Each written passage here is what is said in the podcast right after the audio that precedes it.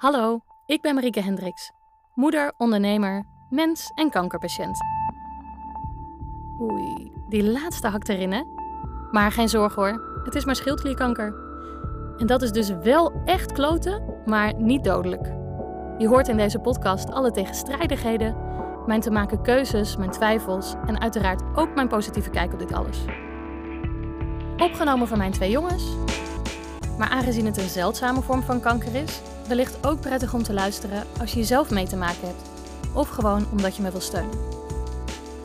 Mama heeft ouw. Laten we hopen dat het maar een korte podcastserie is.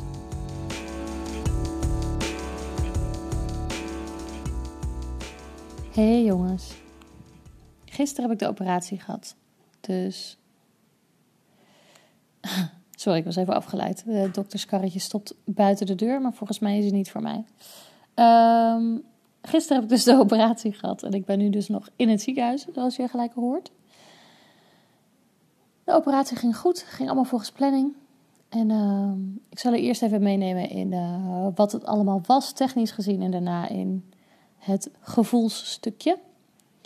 Maar uh, ik mocht me om zeven uur melden bij de, bij de receptie. Mijn hele lieve schoonmoeder, we gingen op de kinderen letten en uh, ze uit bed halen en klaarmaken voor de opvang. En Dolf die ging met mij mee.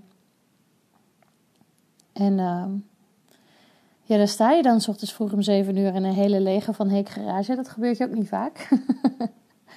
en uh, nou, dan meld je, eerst bij de, bij de centrale balie. Dan mag je naar een afdeling toe. Dan gaan die mensen je vertellen hoe de operatie eruit ziet of wat je moet doen. En die vragen dan dat soort dingen als heb je al je uh, sieraden af, een beetje laatste check.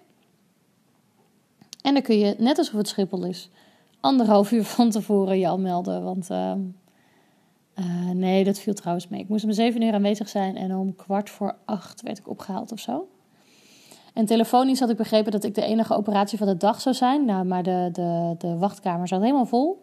Er waren toch best wel een hoop mensen. En ook een hoop mensen die eerder mochten dan ik. Dat ik dacht, nou, ik dacht dat ik de enige en de eerste was. Maar ik bleek de enige te zijn voor meneer Masboom. Hij had eigenlijk vier operaties gepland staan die dag. Maar ik was de enige die uh, spoed genoeg was, ernstig genoeg was om, uh, om door te gaan. Dus nogmaals, heel fijn dat het kon. En uh, hoewel het toch ook wel een beetje gek blijft voelen. Maar goed, uh, vraag niet hoe het kan. Maar profiteer ervan. En uh, nou, dan word je dus uit het kamertje opgehaald en dan ga je naar de. Ik weet eigenlijk niet hoe ze dat noemen, de voorbereiding. Een ruimte met, uh, met best een hele hoop bedden erin, waar je dan ingelegd wordt. En uh, nou, ga je uitkleden, krijg je zo'n gek blauw hemd aan. Die inderdaad open is aan de achterkant, net als in de film. en uh, zij gaan je bloeddruk meten, je krijgt allemaal meters aan je lijf en zo'n mutsje op je hoofd. En daar ben je dan nog even. Dat duurde ook ongeveer drie kwartier, denk ik. En dan om half negen werd ik opgehaald voor de operatie. En um, ja. ja, toen hadden we de operatie. Ik zit even te denken over de ertussen. Gebeurde er wel van alles, maar niet zo heel veel noemenswaardigs. Ik merk wel, ik ben een beetje laag in energie. Dus dit wordt een. Um, ik hoop dat het een leuke aflevering wordt om naar te luisteren. Maar goed, dus van de voorbereiding door naar de operatiekamer. En in de operatiekamer hadden we uh, de chirurg die ik kende van de opname van Dolf. Toen Dolf op de spoedeisende hulp lag, had hij wat uh, gedaan in de voorbereidingen. Dat hij langskwam en dan vragen stelde over medicijnen die hij al had en de operatie ging voorbespreken, dat soort dingen. Dus ik zei hem dat ik zeg, hé, hey, jou ken ik al. Dus daar hadden we het even over. En hij wist dat natuurlijk niet meer, wat ik heel goed begrijp. Want het is al maanden terug en die man die doet dit voor zijn werk. Dus uh, zo bijzonder was dat nou ook weer niet voor hem. Maar goed, dat vond ik natuurlijk wel grappig. En dat ik een beetje uh, grappend aan het mopperen was dat het helemaal niet leuk is om zoveel mensen te kennen in het ziekenhuis. Dus toen was er één iemand die er stond. Ik heb geen idee welke functie die had. En hij zei heel vrolijk: Hoi, ik ben Menno en mij ken je nog niet. Ik werk hier namelijk pas anderhalve week. Nou, die humor die kon ik wel waarderen. Dat vond ik wel heel fijn. En uh, meneer Masboom was er zelf nog niet. Ik kwam op het allerlaatste moment, net voordat ik verdwenen was, uh, zei hij nog uh, wel te rusten tot straks. Dus dat was heel fijn dat ik die toch nog wel even gehoord had. En, um, en de anesthesist die heeft mij heel fijn in slaap gekletst. Dat was heel fijn. De vorige keer had ik een hele luidruchtige Limburgse dame. Of luidruchtig, ze sprak vooral gewoon heel hard, heel enthousiast en heel Limburgs. En deze meneer die vroeg, uh, nou, en waar wil je over dromen? Dus ik vertelde over uh, mijn plekje in het bos waar ik naartoe wilde met mijn uh, lieve vrienden, mensen die me berichtjes gestuurd hadden en alle lieverds. En toen ging hij me daar naartoe begeleiden. Dat was echt heel lief. Dat hij ging vertellen over de kleuren van de blaadjes en dat er een beekje liep. En hij vroeg of ik honden mee had. Nou, ik kon nog net nee schudden, een beetje flauwtjes, maar ik, ik kon al niet zo heel erg veel meer. Het was wel een andere narcose, geloof ik, dan de vorige keer. Althans, hij werd anders toegediend nu. En um, ja, was eigenlijk wat chill. En het was gewoon, ik ging met een hele grote glimlach ging ik slapen voor mijn gevoel. Ik weet niet of hij voor de buitenwereld ook te zien was, maar ik had hem wel. Dus dat vond ik heel lief hoe hij, dat, uh, hoe hij me heel vredig in slaap kletste. En toen ik wakker werd uit de operatie, toen was ik ook echt heel veel relaxter. Ik weet nog wel dat ik een beetje in de war was. Ik heb wel iets geks gezegd. Weer iets uit mijn droom, zeg maar, waar ik uh, voor mijn gevoel echt uitgerukt werd. Maar uh, niet meer in paniek zoals de vorige keer. Dus dat was heel fijn. Dus nu werd ik gewoon wakker, wist ik redelijk vlot waar ik was. En uh, ik voelde me ook echt heel veel helderder. Dus dat was heel fijn. Best al snel een beetje meer mezelf. En ik was natuurlijk nog wel een beetje dronken en een beetje in de war. Maar hmm, niet meer zo van slag. En uh, nou, dan lig je daarna dus op de uitslaapkamer. Weer een ruimte met heel veel bedden. Waar iedereen naast elkaar waterijsjes ligt te eten. En dan um, ja, ze gaan met zo'n echoapparaat kijken hoeveel er in je blaas zit. Omdat je dat zelf vaak niet zo heel goed kan voelen en ook niet zo heel goed kan plassen door de narcose. Dat viel bij mij gelukkig wel mee, maar om me heen uh, werden er allemaal posts naar mensen toegebracht. En nou, stiekem toch wel fijn dat dat me bespaard gebleven is. Als het is, dan is het zo, maar toch een meevallen dat het niet hoefde. En um, ja, nou, waterijsjes gekregen, gezellig gekletst met de mensen daar. En ik moest er heel lang blijven. Dit keer was ik redelijk snel bij mijn positieve. En um, uh, alleen de kamer op de afdeling, die deed ik wel lang over. Dus er werd gezegd dat de schoonmaak er nog heen moest. Of dat de schoonmaak nog iets moest doen met de kamer. Uh, geen idee of dat het dan ook echt is. Of dat er gewoon geen, geen verpleegster is die het vervoer kan doen. Geen idee. Maar ik heb wel anderhalf tot twee uur moeten wachten. En dat is dan op een gegeven moment is dat niet echt fijn meer. Want, nou ja, je zit daar een beetje vast en er is niks te zien en niks te doen. En ze hebben liever niet dat je gaat slapen, want je moet juist wakker worden. Maar ja, je hebt ook niks te doen en je bent wel duf. En je hebt alle monitoren nog aan je vastzitten. En uh, dat op een gegeven moment is dat ook wel irritant, die saturatiemeter om je, om je vinger. Weet je, het doet allemaal geen zeer, maar op een gegeven moment was ik er wel een beetje klaar mee. Vooral omdat ik niet begrijp waarom het twee uur moet duren. Maar goed, dat zal allemaal zo zijn redenen wel hebben. En dat, dat is dan gewoon even zo. Daar heb je het dan maar gewoon mee te doen. Maar uh, de mensen van de uitslaapkamer vinden dat natuurlijk ook heel vervelend. Want ik hou dan wel, een, nou, niet zozeer een bed bezet, maar vooral hun werkdruk hoog. Want ze moeten wel naar mij blijven kijken en met me blijven kletsen en me ook een beetje uh, vermaken, zeg maar. Dus ja, toen ik eindelijk opgehaald werd, was het heel fijn. Toen was Dolf hier al. Uh, dankzij Dolf ging het nog ietsje sneller. Want toen hij hier op de afdeling zei dat hij er al was en ik al zo lang beneden lag, toen uh, ging mijn vrouw wel even heel boos heen en weer bellen. Toen, ging het allemaal ineens wat vlotter. Maar um, ja. Toen was ik op de E4. En de E4 is dan de verpleegafdeling waar mensen zijn. Ja, geen idee eigenlijk. Alles ligt door elkaar. Dus um, het is niet dat ze hier alleen maar patiënten hebben van KNO of alleen maar buikoperaties of wat dan ook. Alles, alles is er gewoon. Um, en iedereen heeft een uh, eigen privékamer, is ook heel fijn. Dus ik neem dit nu ook gewoon op op mijn eigen kamertje. En um, ja, wel weer typisch ziekenhuis. De vorige keren hadden we gewoon een iPad waarop we eten en drinken konden bestellen voor ontbijt, lunch en diner. Wat je natuurlijk wel 78 uur van tevoren moet doorgeven wat je alsjeblieft wil eten. Maar goed, dat is het systeem nou eenmaal en dat is dan gewoon oké. Maar uh, ze gaan binnenkort, over enkele maanden, stappen ze over op een ander systeem. En daarom kun je nu niet meer eten bestellen via de iPad. Dus komen ze elke keer langs met een karretje. Maar je hebt wel een iPad. Dan kun je dan gewoon Netflix op kijken of televisie op kijken, muziek luisteren. Maar het grappige is, is dat ze echt over een ruime, ruime tijd gaan overstappen. Dat het daarom nu allemaal al niet werkt. Nou ja, het is echt. Wat dat betreft is het echt een wondere wereld. En snap ik niet. Ik snap echt niet hoe dit werkt. Maar goed. It is how it is. En het is niet mijn probleem. En het is niet mijn bedrijf. Dus, uh, nou ja. Zoek het uit. De operatie zelf duurde ongeveer anderhalf uur. Van half negen tot nog geen tien uur, dus nog iets korter zelfs. Dus heel veel sneller dan de vorige keer. Uh, verder heeft Masboom niet heel veel gekke dingen gezien, gelukkig. Hij heeft wat lymfeklieren weggehaald die wat opgezwollen waren, maar hij, hij verwacht dat het komt omdat de schildklier zelf een beetje ontstoken is. Uh, hij zegt dat het vaker voorkomt dat als je schildklierkanker hebt, dat dan je lijf zich tegen jezelf gaat keren en de uh, schildklier gaat dan ontsteken, zodat je uh, dus ook zelf een teken krijgt dat er iets aan de hand is in je lijf. Je lijf probeert het toch te vernietigen en tegen te gaan. Uh, dus hij verwacht dat het daardoor komt, maar ze gaan het opsturen en dan zullen we wel zien wat het is. Maar goed, uiteindelijk maakt het niet heel veel uit wat het is. Het verandert de zaak niet heel erg. Het, uh, het blijft het verwijderen van een schildklier en daarna de jodiumkamer. Maar goed, het is, ik vind dat soort dingen altijd wel fijn om even te weten. En ik heb hem vandaag nog even daar allemaal wat vragen over gesteld. Want hij kwam direct na de operatie ook al in de uitslaapkamer even langs. En ik kan me wel herinneren dat hij zei dat het goed ging. Maar hij zei ook nog wat andere dingen. En die, die kan ik me niet zo heel helder meer voor de geest halen. Maar hij kwam uh, gisteren na de operatie direct even langs. Gisteren om vijf uur direct even langs. Hij kwam vanmorgen nog even langs. Dus dat is super vriendelijk en heel fijn. Dat waardeer ik ook echt wel.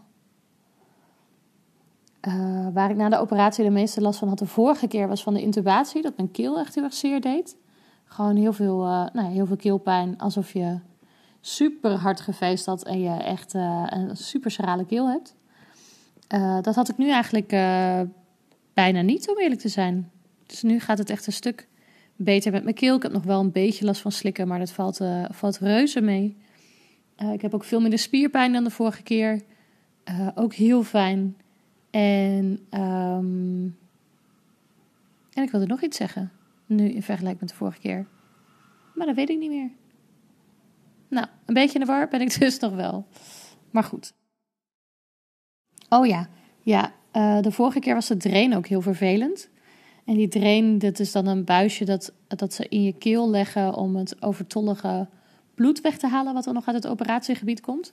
Die drain was nu ook weer heel irritant. Die zit gewoon niet lekker, dat zit dan in de weg en die voel je ook met slikken. En, uh, het is gewoon een beetje gek dat er een, een, een heel klein slangetje uit je, uit je vel steekt. En je hebt dan dus ook de hele tijd een, flesje bij je waar het bloed in loopt. En die moet je dan de hele tijd met je meetillen. Uh, dus ik ben heel blij dat ik daar vanaf ben. Die mocht er vanmorgen, mocht hij eruit. Dat deed echt nog wel even zeer. Die hadden ze net onhandig vastgemaakt. in mijn hoofd, sorry jongens, maar in mijn hoofd gaat het dan dus zo. Meneer Masboom is super slim en super ervaren in dit alles. De vorige keer ben ik ook geholpen door een volledig volleerde chirurg die ook echt dit specialisme gaat doen. En nu ben ik geholpen. Ja, ik weet niet of het een artsassistent is of dat het dan wel een volledige chirurg is. Um, maar ik verdenk hem er nu dus van dat hij hem vastgemaakt heeft en dat hij dat een beetje onhandig gedaan heeft. maar misschien had Masboom gewoon uh, zijn redenen om hem heel stevig dicht te knopen. Geen idee, maakt ook niet uit. Maar dat was niet zo leuk, dat hij er, uh, hoe die eruit gingen. Daar moesten ze echt even mee pielen en, en narigheid om uh, de hechtingen vrij te leggen. Dat ze die kon doorknippen en het, het tubetje eruit kon halen. Maar ja, om heel eerlijk te zijn... Als dat het vervelendste is van zo'n hele operatie, dan, dan valt het allemaal nog best wel mee. Ik ben al begonnen met een schildkliermedicatie. Dat is ook fijn, dus de vervanger van de schildklier. En uh, ja. Ik ging vandaag een stukje lopen door het ziekenhuis. Gisteravond ook gewoon een stukje wandeling gedaan. Maar vanmorgen echt het echte ziekenhuis ingegaan. Dus helemaal naar beneden, naar het restaurant. Toen dacht ik, ik ga mezelf even tracteren op een stuk taart. En dat was wel heel fijn. Maar ik was ook daar ontzettend aan het treuzelen en twijfelen. Want uh, de taart zag er natuurlijk helemaal niet zo fantastisch uit. Dus gewoon zo'n kant-en-klare taart die ze in stukken gesneden hebben en dan neergezet. maar, ehm, eh, dus ik stond een beetje moeilijk te doen daar. Toen was er een verpleegster die stond achter me. Weet ik eigenlijk niet wat ze precies was. Iemand in een wit pak. En die zei uh, van, goh, wanneer moet je de taart hebben dan? Hoe laat? Want ik heb om 12 uur pauze. Ze zegt, ik kan wel even voor je naar ook toe gaan hoor. En wat ophalen, dan weet je zeker dat je wat lekkers hebt. Heb je wat te vieren? En dat vond ik zo lief. Dus ik zei, ja, nou, ik heb mijn operatie gewoon goed doorstaan. Dus ik ben eigenlijk wel blij. Ik wilde gewoon met mezelf taart eten, omdat ik dat leuk vind. En uh, toen was ze helemaal blij. Nou, gefeliciteerd. Echt heel blij dat je wat te vieren hebt. Maar goed, ze hoefde voor mij de taart niet te halen, zei ik. Dus zij ging weer weg. En toen stond ik daar wel een beetje met mijn ziel onder mijn arm. Dat ik dacht, ja, heb ik nou wat te vieren of niet? En daar word ik dan wel verdrietig van. En nu ook weer. Dat ik denk, ja. Tuurlijk ben ik hartstikke blij dat de operatie heel goed gegaan is. En natuurlijk ben ik dankbaar voor van alles en bla bla bla bla. nu voelt het allemaal een beetje als bla bla bla. Want, nou, ik voel nu ook gewoon dat ik kanker heb. En dat vind ik niet leuk. En dat uitspreken merk ik ook dat ik lastig vind. Maar uh, het is echt heus zo. Door de operatie ben ik natuurlijk ook gewoon een beetje labiel en moe. Maar uh, ik heb net op Instagram ook mijn coming out gedaan. Dat ik zei dat deze podcast eraan komt. En dat ik bijkom van mijn operatie. en bijkom van deze coming out. Ik heb nog helemaal niet gezegd wat ik heb. Maar ik weet wel wel dat ik daar erg veel reacties op ga krijgen. En dat ik niet zo goed weet wat ik daarvan vind. Ik wilde heel graag de hele wereld bereiken met deze podcast. En nu voel ik me even heel klein. En vind ik dat even heel spannend en niet leuk. Want dan is het allemaal zo echt. Maar ja, het is ook zo echt. Dus dan kunnen we er maar beter iets moois van maken voor andere lieverds die dit ook hebben en die benieuwd zijn hoe je dat dan doet. Met twee kinderen van onder de twee. Of voor mensen die van me houden en nieuwsgierig zijn hoe ik het doe, hoe het met mij gaat. Of gewoon. Weet ik veel wat voor een lieve of gekke reden jij hebt om hier naar te luisteren. Maar en natuurlijk voor die twee schatten van jongens. Die ik heel erg mis. Maar die ik, als het goed is, vanavond al mag zien. Van tevoren hadden ze gezegd dat ik twee nachten moest blijven. Uh, nu lijkt het erop dat ik vanavond al naar huis toe mag. Het risico van deze operatie is namelijk dat ze de bijschildklieren raken. En als ze dat doen, dan uh, zakt je calcium enorm. dan krijg je last van je hart. Als dat zo is, dat is helemaal niet handig. En um, ik geloof dat ze nu wel binnenkomen. Daar was Eline. De verpleegster van vandaag. Die uh, kwam even mijn bloeddruk opnemen, mijn saturatie checken, mijn temperatuur. En uh, even kijken hoe het met me gaat. Dat doen ze gedurende de dag. En in de nacht kijken ze ook een paar keer om het hoekje om te kijken of het goed met je gaat. Dat is natuurlijk super fijn, maar ook wel een beetje jammer, want je wil zo graag slapen. Maar goed, dat uh, dat hoort er nou eenmaal bij. Ze moeten wel goed voor je zorgen. Uh, maar dus, als je calcium heel erg zakt, wat een risico is van de operatie, dan uh, houden ze je even wat langer hier en dan krijg je calciumtabletten en dan zorgen ze dat dat weer helemaal op peil is. En dat trekt over het algemeen gewoon weer uit zichzelf bij. Uh, maar ik denk, omdat ik gisteren al zo ontzettend op tijd was, hebben ze me al lang genoeg in de gaten kunnen houden. Ik heb vanmorgen bloed geprikt, dat was allemaal in orde. Vanmiddag moet ik ook nog even bloed laten prikken. En als die waarden ook goed zijn, dan mag ik dus gewoon naar huis. Uh, fysiek merk ik af en toe wel een beetje tintelingen. Daar, daar zeggen ze dat dat een, uh, een indicatie is. Uh, maar ik voel die tintelingen heel soms maar heel kort. Dus laten we maar op de labuitslag geloven, vertrouwen. Want die komt wel op dit moment het beste uit. Altijd doen wat je het beste uitkomt. Maar ja, dus, dus dat. Als het goed is, mag ik vanavond al naar huis. En daar ben ik heel erg blij mee. kon Dolf me hier ophalen. Uh, als ik dan thuis kom, zijn mijn ouders daar al. En ik denk mijn schoonmoeder ook nog wel even. En dan kan ik met alles en iedereen knuffelen. En dan uh, hebben we een eerste hobbel gehad. Of de eerste. Hebben we deze hobbel gehad. Ik weet even niet meer de hoeveelste dat is in dit traject. Maar um, ja, dan is het wennen aan de medicatie en, uh, en op naar de jodiumkamer.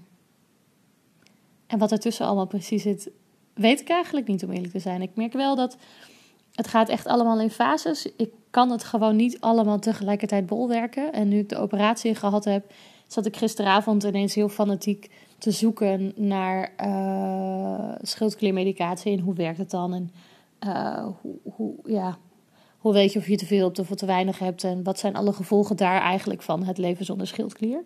En dat ik daarvoor had ik daar gewoon de ruimte nog niet voor. Dan ging het eigenlijk alleen maar over het stukje het hebben van kanker, schildklierkanker, hoe werkt dat, welke behandelingen wil ik. En nog helemaal niet die stap 6 van het niet meer hebben van de schildklier en hoe ga je daar dan mee om. Dus ja, er stonden wat dingen bij die ik niet zo leuk vond om te lezen. Um, maar ja, we moeten maar zien of dat voor mij ook zo geldt of niet. Dus uh, één stap tegelijk. Voor nu is het hem denk ik zo even. Ik uh, ga nog wel even rustig in mijn boekje schrijven. Ik uh, ga misschien nog een beetje Netflixen. Maar ik denk dat ik nog even een dutje ga doen. Voordat ik naar huis toe ga en het hele huis lekker vol zit. Met mijn jongens en die lieve ouders.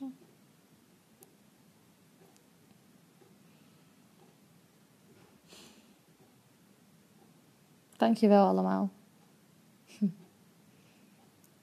Het is fijn om te weten dat jullie er zijn, ook al nam ik deze podcast tot nu toe op voor niemand. Wist ik wel dat er natuurlijk straks mensen zijn die gaan luisteren. Dus uh, nou, dat is super fijn. Nogmaals dank en tot de volgende.